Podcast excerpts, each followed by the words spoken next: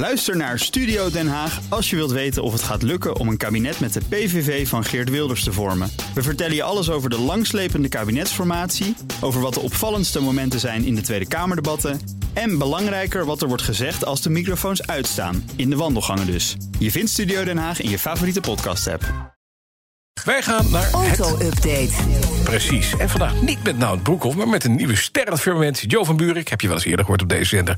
Dankjewel. Want alles weet van Formule 1 en van gaming rond Formule 1. Joe, Ik doe goedemorgen. best. Dankjewel. Hi Bas. Hi Nina. Maar we gaan het hebben over hele andere dingen. Want er is fors minder brandstof getankt in januari van dit jaar. Ja, dat klopt. Dat heeft de BOVAG bij ons aangegeven... naar aanleiding van een analyse van de harde lockdown. Tweede lockdown eigenlijk. Want in januari van dit jaar is er slechts 837 miljoen liter brandstof getankt. Denk je, dat is nog best veel. Maar toch een kwart minder dan dezelfde maand in 2020. Ja, waar ligt dat aan? Hoe, hoe komen ze naartoe? Is dat inderdaad omdat we veel thuis zijn gaan werken? Of gaan we met z'n allen elektrisch? Nee, dat elektrisch, dat heeft toch lang niet zo'n relatie gehad. Zover zijn we nog niet. Ik denk dat het vooral met het thuiswerken te maken heeft. En natuurlijk ook heel veel zakelijk verkeer dat veel minder kilometers heeft gemaakt. Ook voor het beeld, eh, diesel heeft zijn dieptepunt beleefd in eh, januari van dit jaar. Het grootste aandeel nog steeds al met 483 miljoen liter.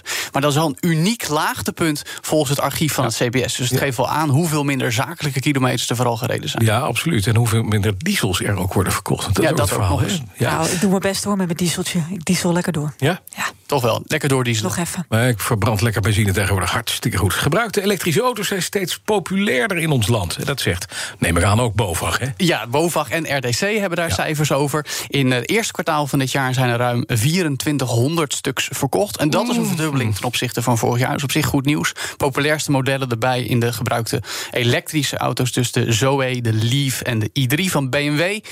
Maar ja, het is toch toch wel een nou, druppel op de gloeiende plaat, wil ik niet zeggen. Maar een klein aandeel, want totaal aantal occasions 318.537 in het eerste kwartaal. Waarop 2400 elektrisch. Ja. Gefeliciteerd. Ja, het schiet niet Ja, op. Nee, precies. Maar het kan allemaal beter worden als er maar goedkope elektrische auto's komen. Nou, we weten allemaal dat de, de Spring van Dacia, die komt eraan. Zo klein dat hij lijkt alsof hij in de was gekrompen duster is. Hebben we wel eens gezien? Was jij erin? Dacia Spring? Ja, dit, het is leuk voor als je twee Barbies thuis hebt. Dan is het mo- mooi Ik kijk uit naar de petrolheads in die auto. Ik niet. dat, dat gaan wij niet doen. Dat begrijp je, Joe. Eh, maar de goedkoopste elektrische auto van de EU is nu gelanceerd. Komt niet eens uit China, maar komt dus uit Letland. Nou ja, Nou ja. officieel wel. Het is Ja. de Darts. En Ja. eh, volledig heet hij zelfs nog de Darts Vrezen Nikrop EV.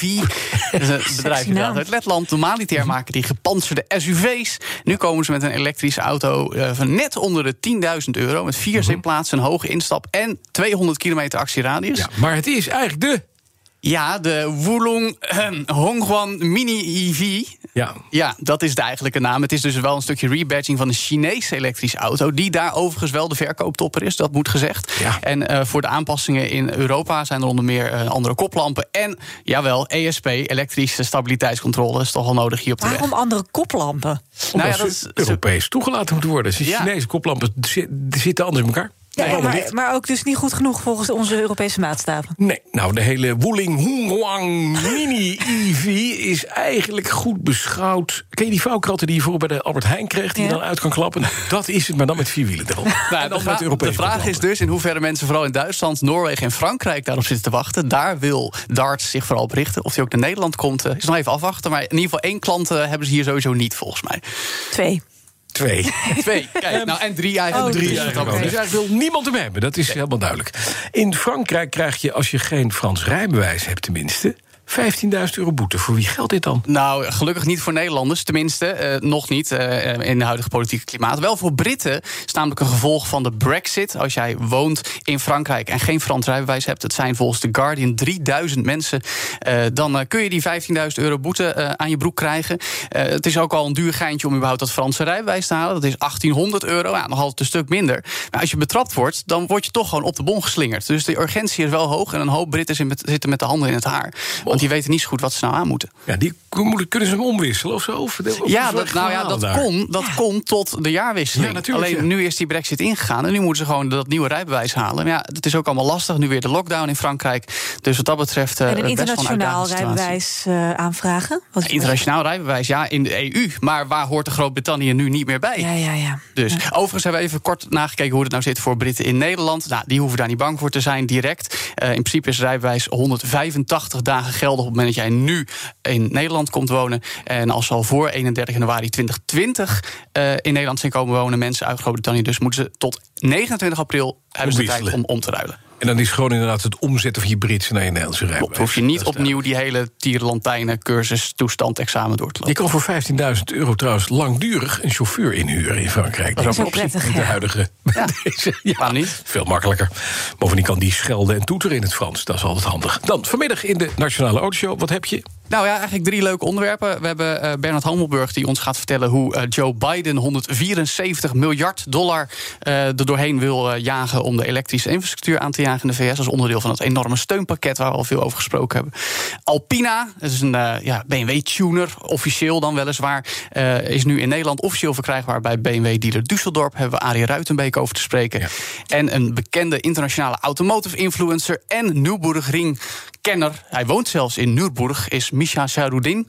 Kennen sommige mensen misschien wel als Boosted Boris, een beetje een internettypetje. En die heeft ook hele mooie verhalen, onder meer over het overlijden van Spien Smits vorige maand. Icoon ja, in de god, enige, enige vrouw die met een VW-busje uh, zo snel reed dat ze iedereen voorbij ging.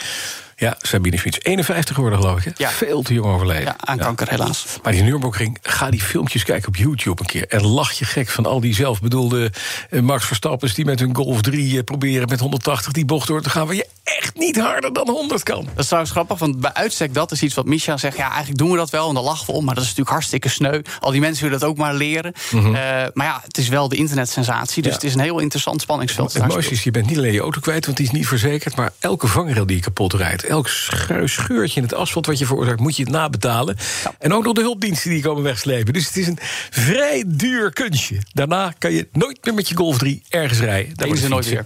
Vanmiddag drie uur de Nationale Autoshow. Dankjewel, Joe van Buurik. Achteraf terug te luisteren via de bekende kanalen. En daar kun je ook vinden BNL Petrolheads... als je van bijvoorbeeld wat oudere auto's houdt... als ze maar een verbrandingsmotor hebben. De auto-update wordt mede mogelijk gemaakt door Leaseplan. Leaseplan. What's next? Ook Thomas van Zeil vind je in de BNR-app. Je kunt live naar mij luisteren in Zaken doen. De BNR-app met breaking news, het laatste zakelijke nieuws... en je vindt er alle BNR-podcasts, bijvoorbeeld Het Nieuwe Geld. Download nu de gratis BNR-app en blijf scherp.